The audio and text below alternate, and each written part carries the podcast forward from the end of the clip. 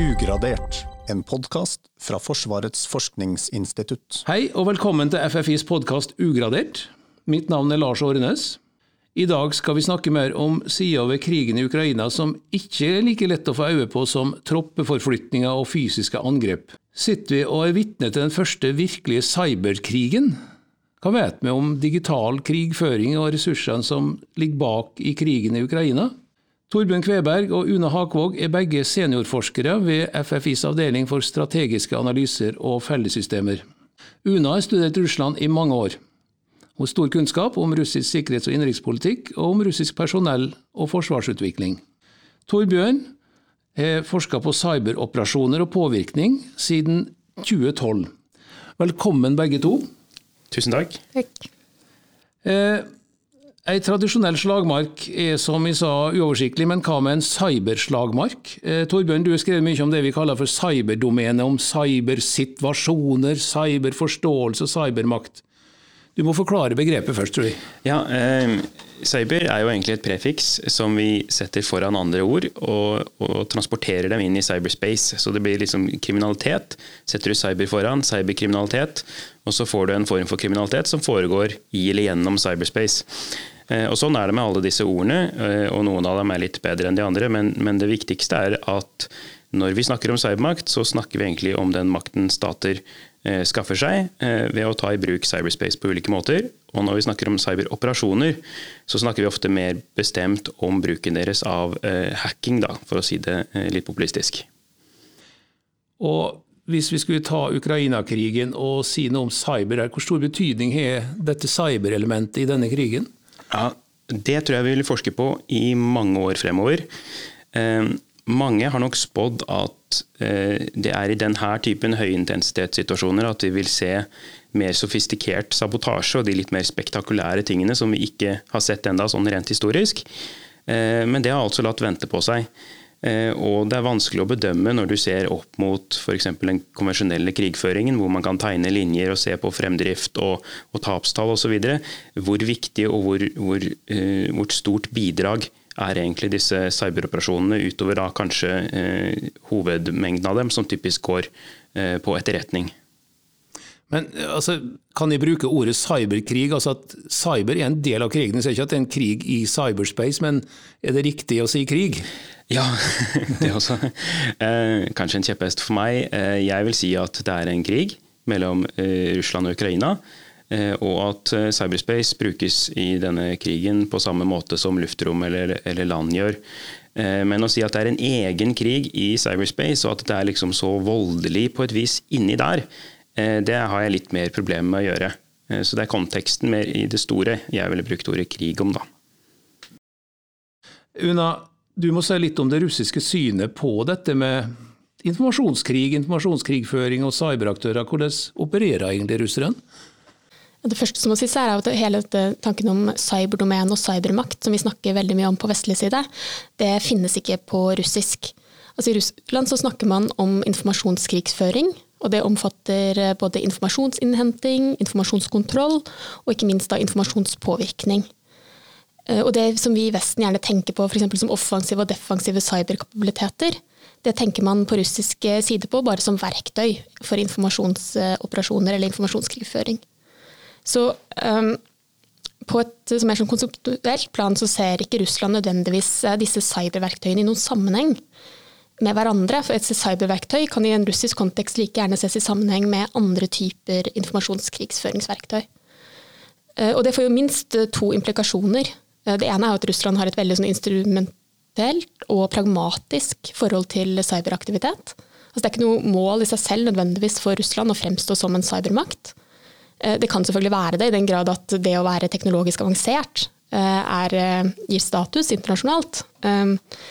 Men, men det, ikke, det, å vinne en cyberkrig er ikke nødvendigvis noe Russland er spesielt opptatt av eller interessert i. Fordi Russland fokuserer på nivået over, nemlig informasjonsdomenet. Og det andre implikasjonen er at i Russland enda mer da, enn i vestlige land, så er det et veldig uklart skille mellom defensive og offensive cyberaktiviteter. Og det er også et veldig uklart skille mellom mellom det som er cyberaktivitet og andre typer altså etterretningsinformasjoner, informasjons- og desinformasjonskampanjer i, med, altså i massemedier, psykologiske operasjoner, elektronisk krigføring og til og med altså, operasjoner som involverer bruk av psykofarmaka og nervegift. Alt dette er verktøy for samme type, samme type operasjon i Russland. Ja, og ut fra hva jeg skal si, samme vilje. altså Alt er vel toppstyrt og under kontroll? Eh, både ja og nei. Altså, eh, Russland har ikke én cyberaktør, de har minst eh, tre. Alle de tre russiske etterretningsorganisasjonene, altså både den militære etterretningen, GRU, utenriksetterretningen, SVR, og innenriksetterretningen, altså FSB, har cyberenheter. Og Opptil flere av dem. Um, I tillegg så ble det, har det blitt opprettet eh, private, eh, ulike foretak som driver med informasjonspåvirkningsoperasjoner, eller såkalte trollfabrikker, som også har bånd til, til, Kreml. Og disse aktørene, de, de rapporterer De har forskjellig ulike mandater, men de rapporterer også likt til, til ulike institusjoner. F.eks. militæretterretningen av GRU de rapporterer jo til generalstaben og Forsvarsministeriet. Mens eh, utenriksetterretningen de, eh, de har sin egen sjef, og de rapporterer direkte til presidenten. Mens eh, disse cyberenhetene i FSB de rapporterer både til innenriksministeriet, men noen av dem rapporterer også da til, til FSB-sjefen og dermed til presidenten. Så det er et litt sånn uoversiktlig, uoversiktlig aktørbilde. Og det er klart at sånn, Russland har jo overordnede sånn, sikkerhetsstrategier Um, så man kunne jo tenkt seg at dette var koordinert uh, på overordnet plan. I realiteten så tror jeg det er ganske lite sannsynlig, fordi vi vet at det er stor konkurranse mellom, mellom disse enhetene. Og veldig omfattende hemmelighold som gjør at det er veldig vanskelig å dele, dele informasjon mellom dem. Ja, ikke bare, Det er ikke bare vi som har problemer med å finne ut av det, men kanskje deg sjøl òg? Ja, det tror jeg absolutt er grunn til å si. Det du sier er iallfall at det er på en måte veldig organisert det russerne gjør. og vi har jo ikke snakka om den andre aktøren, som er Ukraina. og Kanskje vi ikke vet så mye om hvordan de har organisert sin eh, cybervirksomhet. Eh, Torbjørn, Wall Street Journal skriver at Ukraina har en mer eller mindre frivillig IT-hær i og utenfor landet på ca. eller kanskje da, 400 000 individ. Eh, Foreign Affairs skriver om landets digitale kavaleri Eh, hvordan klarer seg mot Russland, og hva er det egentlig som foregår i Ukraina? Godt spørsmål. ja. Jeg vil tro, eh, uten at jeg er ekspert på ukrainske hemmelige tjenester, at de har en struktur litt som russerne har, eller hvilken som helst annen stat har, hvor man har etterretnings- og sikkerhetstjenester eh, som driver med det vi kaller cyberoperasjoner. Så dette blir noe litt annet, disse 400 000 litt hvordan man teller det. Jeg vet ikke om man har talt personer eller PC-er, eller, eller, hvordan man har fått det til. Men um, dette virker mer som en sånn crowdsourcingsfenomen. At man kanskje har oppfordret uh, til at man skal hjelpe til. Og så hjelper enkeltmennesker til med de uh, kunnskapene og mulighetene de har. Uh, det viktige her er vel egentlig forskjellen i kompetanse. Det er ikke det at disse menneskene ikke har kompetanse, men de er enkeltmennesker, og som enkeltmennesker så er du veldig liten sammenlignet med en stat og staters etterretnings- og sikkerhetstjenester. De har ikke like mye ressurser, like mye tid, gjort like mye forberedelser osv. Så, videre. så det de får til, eh, og særlig på en sånn kort sikt når du liksom oppfordres til å gjøre noe i morgen, eh, er veldig enkle og gjerne opportunistiske typer cyberoperasjoner da, som, som, typisk munner ut i enten trafikkoverbelastning, at du sender for mye trafikk mot en tjeneste, og så går tjenesten ned eller nettsiden ned, eller at de rett og slett vandaliserer nettsider. Og så skryter de gjerne etterpå um, av uh, se hva vi gjorde, vi prøvde å ta ut dette og fikk tatt ut dette. Og så er det kanskje ikke så stor skade, det er mer irriterende enn det er farlig. Og så har de kanskje prøvd seg på veldig masse, og så promoterer de det de fikk til etterpå, som om det var det som var intensjonen deres. Uh, og om det karakteriserer akkurat denne cyberhæren uh, på 400 000 frivillige, Eh, det vet jeg ikke helt, men jeg vil tro at det er, eh, er for dem, akkurat som for de tidligere sånne aktivistorganisasjonene. Som, dette dukker typisk opp eh, når du har en konflikt, og, og Vesten har jo faktisk klaget på det i forbindelse med tidligere tilspente situasjoner i Georgia, Georgia Ukraina og Estland i 2007 bl.a. Nettopp det at såkalte russiske patriothackere dukker opp og gjør denne typen enklere, men irriterende og kanskje signalerende handlinger. Så at Ukraina oppfordrer mennesker til å gjøre det samme, er ikke sikkert at det er en voldsomt god idé, særlig hvis disse handlingene da er ulovlige.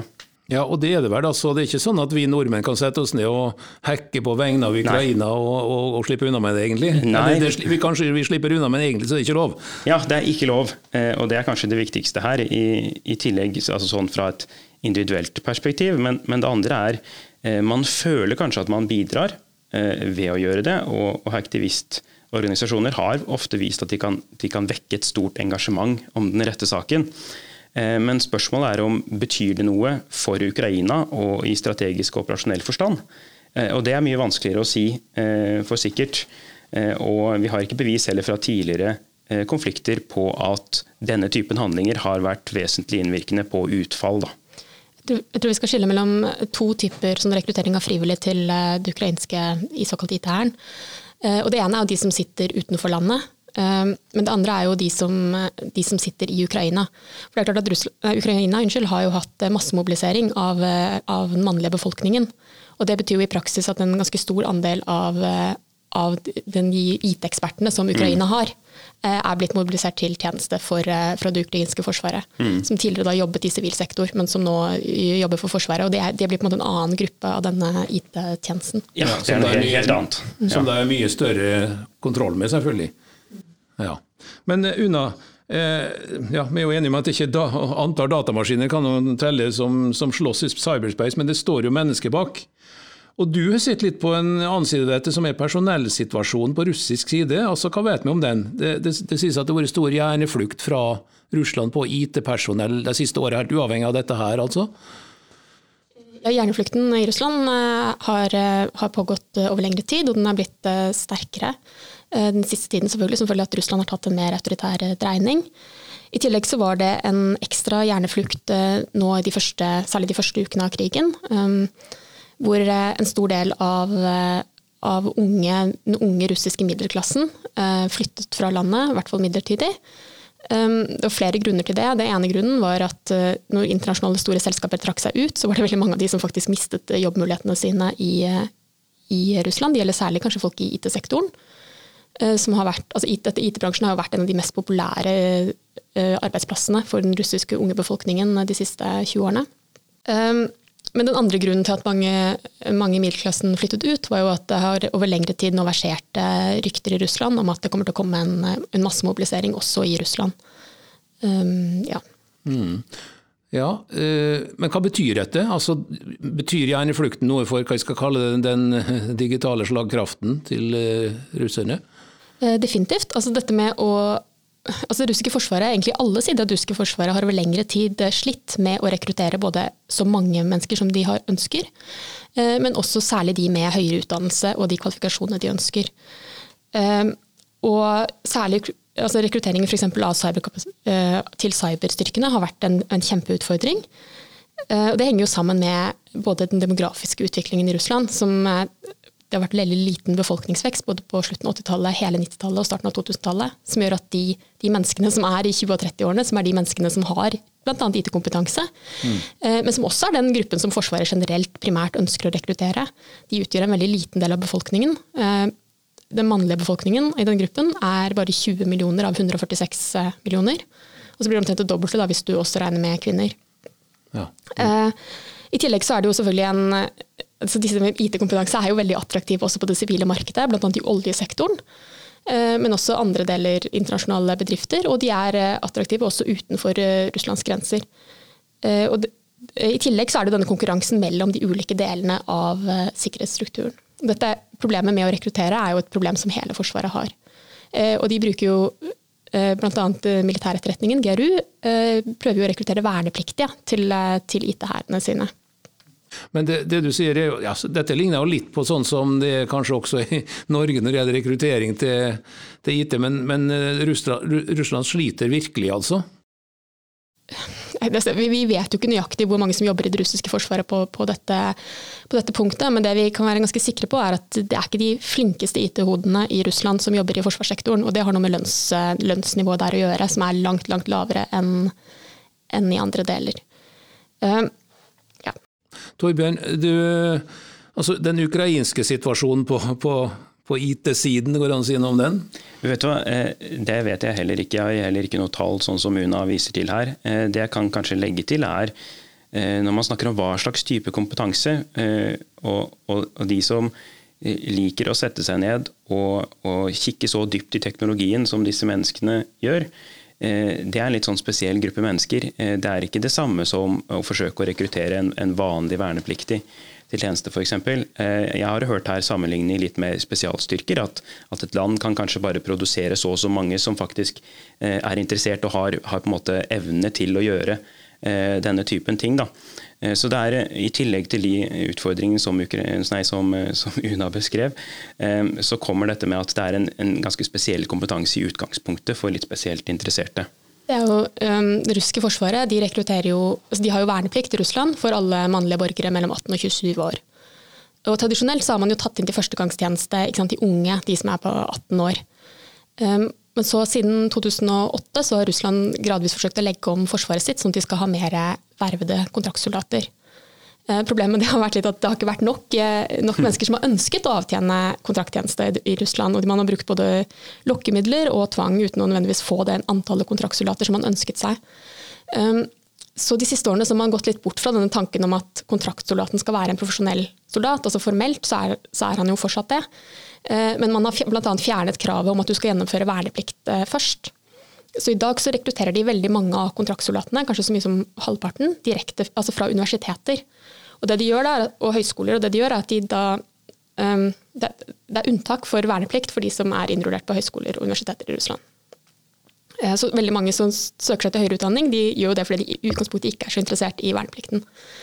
Eh, men så kommer disse rekrutteringskontorene, de går da på høyskolene og universitetene. Og så sier de at uh, jeg ser at du har ikke, du er fortsatt under 27 år, jeg ser at du har ikke avtjent førstegangstjenesten din. Um, så nå har du valget. Enten så kaller vi deg inn til førstegangstjeneste, ett år, eller så kan du få to år på kontrakt. Og da får de betalt. Og på den måten så får de altså høyere utdanna, høyere utdanna personell inn i kontrakttjeneste ved litt sånn frivillig tvang. Vi kan jo tenke oss at disse folka ikke akkurat kommer i frontlinjen, da. Nei, altså, da vil jo man jo, De som har f.eks. høyere IT-utdannelse, vil jo da heller ønske å, å, tjenestegjøre i et sted hvor de kan bruke den. Men, men eh, mange av de er også i frontlinjen, bl.a. i Ukraina. og Det er jo litt av de bemanningsproblemene vi ser, også kanskje med motivasjon og, og ferd, også ferdigheter. Mm. Dere som er forskere, altså Dette cyberelementet, da, for å si det sånn, det må jo være veldig interessant å forske videre på. Jeg vet ikke hva slags perspektiv eh, du har på det, Torbjørn. altså Hva vil du begynne å se nærmere på snart? Ja, øh, Jeg holder jo på med doktorgrad nå om det jeg kaller for cybersituasjonsforståelse. Eh, som egentlig eh, sagt på en annen måte er hva er det egentlig stater trenger å vite om, om dette cyberspace for å ta gode beslutninger om nasjonal sikkerhet. Um, og deri også på en måte hvordan er det vi i Vesten forstår dette, kontra f.eks. Russland, som Una forklarte i stad. Og, og, hvordan er det vi kanskje som forskere, i et tredje perspektiv, burde konseptualisere og forske på dette. For, eh, for, frem til nå så har vi kanskje vært fanget litt i, i Vestens syn på det som cyberoperasjoner, og så kanskje opplevd eh, Russlands syn på det, eh, en informasjonsbasert syn, som litt, litt fremmed. Så Det er det ene jeg på en måte skal kikke i nå. Hvordan, hvordan ser vi på det mer akademisk? Finnes det et tredje perspektiv her? Og, og, hva forteller det oss om hva statene behøver å vite nettopp for å kunne håndtere en sånn situasjon som Ukraina befinner seg i nå? da? Eh, hva er eh, det viktige å vite, og hva er det som egentlig er mer støyen? Eh, ja. Mm. Una? Jeg syns det er veldig spennende å prøve å forstå med dette nettopp støyen. Hva, hva, hva, slags betydning har den? For det er jo veldig fort gjort å bli, bli fanget i alle disse på internettpåvirkningsoperasjonene. Mm. Um, og det er fort gjort å både avvise dem som ingenting, som er verdt ting, men det er også mm. kanskje fort gjort å overvurdere betydningen av dem. Og det prøve å forstå bedre hva som er eh, den reelle innflytelsen av den type aktivitet, mm. syns jeg er interessant. An, altså, det er helt umulig å spå hvordan denne krigen vil utvikle seg videre, men hvis en ser på cyberelementet, er det noen fortsettelser en kan forestille seg? Mer av samme stein? Jeg vil tro det, eller jeg forventer mer av det samme. Og en årsak til det er at eh, hvis du skal gjøre mer eh, sofistikerte former for sabotasje og sånn, det krever masse forberedelsestid. Eh, og en, rapport fra Microsoft her om dagen sa at eh, noen av forberedelsene til Russland begynte så tidlig som i mars 2021. Eh, og, det var mest aktivitet også i den rapporten de kom ut med i første uka av konflikten, og så er det lavere nivå. Og kanskje gjentagelser av de litt samme typene skadevare. Sånn at jeg, tror at vi vil fortsette med mer av det samme vi har sett de siste ukene, og at det store S i ermet kanskje mange fryktet at, at, Russland skulle ha, eh, det tror jeg nok ikke dukker opp nå som det ikke har vært her så langt i konflikten. Nei, det var kanskje litt overraskende, det. Mm. Hva tror du, Una? Nei, altså det som de siste dagene så har vi jo sett et ganske stort sånn informasjonspåvirkningspress eh, i Russland mot Sverige og Finland. Eh, blant annet en ny mm. sånn kampanje som kom opp eh, for et par dager siden ja. og, og mot Sverige, hvor man bl.a. trakk frem Astrid Lindgren og Ingvar Kamprad og Ja, ja veldig. Ja. Eh, og man kunne jo tenke seg at hvis Russland skulle bruke cyber i denne krigen i et større omfang, da, at det skulle, ville være mot andre, andre land enn mm. Ukraina, kanskje. Mm. En ting som uh, vi som leser litt militærhistorie er opptatt av, er jo disse skildringene av gamle slag. Slaget ved Trafalgar, slaget ved Waterloo, ting som skjedde i andre verdenskrig. Veldig godt dokumentert etter hvert. Men hvor godt greier vi å i ettertid studere kall det cyberkrigen i Ukraina? Jeg tror at de hendelsene som har hatt innvirkning på ukrainerne, f.eks., eh, de vil ukrainerne eh, dokumentere fordi de har måttet håndteres på et vis. Eh, så, så, på sikt så vil vi jo kanskje få innsyn i tingene som skjedde som betød noe, eh, og, og vice versa. Eh, og så kan det ha skjedd masse annet rundt som ingen egentlig noensinne fikk med seg. Eller som, som forblir godt bevarte hemmeligheter til om 50 år eller 70 år, slik som vi får vite om ting som skjedde under den kalde krigen i dag. Men det jeg er helt sikker på, er at i løpet av neste året først, og så i en periode kanskje på fem år etterpå, så kommer forskere verden rundt og å skrive masse om dette. Og vi kommer til å få bedre beskrivelse av denne konflikten, eh, cyberdimensjonen av den, for å bruke det ordet, enn vi har hatt av noen tidligere eh, konflikt. Jeg vil bare understøtte det, det Una sa i stad, når jeg tilfeldigvis brukte ordene hva skal man følge med på, hva er støyen? Og, og, og, mye av dette er kanskje støy, men hva er det som er støy? Hva er det som er farlig og viktig å følge med på? Ehm, jeg tror vi har en tendens til å ta Eh, ta fatt i det som er veldig synlig, og særlig da kanskje synlig i, i mediene eller, eller, på sosiale medier. Og så tro at siden det skjer, og kanskje internettalderen, i, i høye, høye, tall, eh, det virker så så mange millioner tweets eller hva det skal være, så tenker vi litt sånn automatisk at dette må være farlig. Eh, men det har vi ikke så god kontroll på enda. Og det er et kjempeinteressant område å, å gå videre på, på hvor bekymret bør vi være, egentlig, for, for hva. En annen, en annen moment som jeg syns var litt interessant, var jo at Eh, da vi snakket litt om disse ukrainske frivillige hackerne som kanskje primært driver med sånn litt enklere nektelsesangrep, um, så er det klart at Russland prøvde jo ganske lenge å holde veldig mye lokk på en mm. del av den informasjonen om hva som foregikk i krigen. Og vi så at en del av den, eh, de nektelsesoperasjonene da, og den type eh, de forsøkte også å spre ja. å gripe inn og spre informasjon til den russiske befolkningen om Eh, om krigen. og Det var jo også et interessant eh, grep i den tidlige fasen her. Eh, og også kanskje de, en del av de ukrainske nettoperasjonene som også har satset veldig mye på faktisk å spre informasjon om hva som foregår til, til russisk sivilbefolkning. Um, det er jo en litt interessant switch, nettopp det at eh, Vesten har sett på, på det russiske sånn desinformasjonsapparatet i, i nesten ti år, og, eh, og, og, tenkt på hvordan vil det brukes mot oss. Eh, og så fokuserer man nå litt mer på men hvordan har på en måte dette virket på den jevne russer, og hva kan man eventuelt gjøre fra utsiden, sånne enkeltstående hackere f.eks., for, for å kanskje bøte på noe av dette. Det er litt sånn annet perspektiv når man først står i konflikten, enn, enn hva vi egentlig kanskje har hatt eh, de siste årene. Alle lurer jo på hva russerne sjøl vet. Ja. Vet vi noe om hva de vet? Eh, ja, altså, mm, det, det, har under hele krigen vært eh, fullt mulig i Russland å få informasjon om om hva som foregår, hvis man ønsker det. Um, og det ligger, altså russisk, russiske delen av befolkningen, er, i hvert fall de yngre, er jo veldig gode egentlig på, på alle mulige digitale plattformer. De har mye mer kunnskap om det enn, enn f.eks. meg. Eh, det ligger veldig masse manualer ute om hvordan mm. man kan omgå alle mulige slags eh, myndighetsbegrensninger. Så det å få informasjon er ikke, er ikke nødvendigvis et hovedproblem, men, men, det er klart at den russiske befolkningen tar valg om hva slags informasjon de, de får. Eh, den eldre generasjonen velger i stor grad å se på russisk statlig TV. Um, og de er nok klar over at mye av det er propaganda, men samtidig så ser vi jo at de også tror på en del av det som blir uh, lagt frem. Den yngre befolkningen søker mer informasjon i alternative kilder, um, og er nok mer oppdatert på, på kanskje den reelle situasjonen på bakken i Ukraina, hva som hva som er bakgrunnen for, for, krigen, eller ikke bakgrunnen for krigen. Eh, men samtidig så ser vi at eh, de i veldig liten grad interesserer seg for Ukraina. De er rett og slett lei. Vi må huske på at altså, Den russiske befolkningen har faktisk blitt bombardert med informasjon om eh, krigen i Ukraina siden 2014. Mm. Um, unge mennesker er ikke interessert. De ser i veldig liten grad på nyhetene. Det viser de meningsmålingene fra, fra bl.a. det relativt uavhengige senteret Levada. Og I tillegg så er det en sånn fullstendig altså, apolitisering av samfunnet, hvor særlig da mennesker under 30 år, tenker at dette her har ikke noe med meg å gjøre. Dette er Putins krig, og det er ingenting jeg kan, kan gjøre med det. Og det er kanskje litt den samme, samme apatien som vi i kan, eller i hele verden kan føle i møte med miljøutfordringer. Altså det, det, det, er så stort og så overveldende, og du føler deg veldig liten og vet ikke hvordan du skal kunne, du skal kunne gjøre en forskjell. Den uh, apatien, altså uh, Vi tenker på den store fortellingen som Putin liksom skal kringkaste til sitt folk, er jo det han sjøl lærte i Brezjnev-tida, når Brezjnev tok fram igjen den store fjerdelandskrigen som en enorm heroisk hendelse.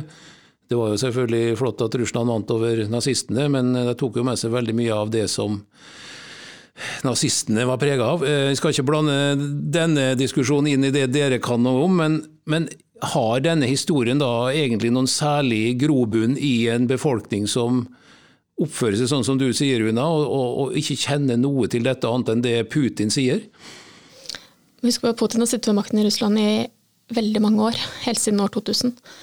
Og en, det vokser opp hele generasjoner i Russland som ikke kjenner til noe annet eh, Russland eller verdisett enn, det, enn Putins Russland. Og særlig disse historiene om, eh, om andre verdenskrig er jo noe befolkningen er blitt litt matet med. Eh, jevnt og gjennom i barnehager, i skoler, hele veien oppover egentlig, og inn i mediene. Um, så det er helt klart at den russiske befolkningens historiesyn er, er blitt preget um, av den informasjonen de har fått over lang tid, i mange år. Mm. Vi lar det bli siste ord i denne omgang. Tusen takk til Torbjørn og Una for at du kunne fortelle oss litt mer om det som vi ikke ser så godt, men som vi aner er en eh, ny front også for dere forskere.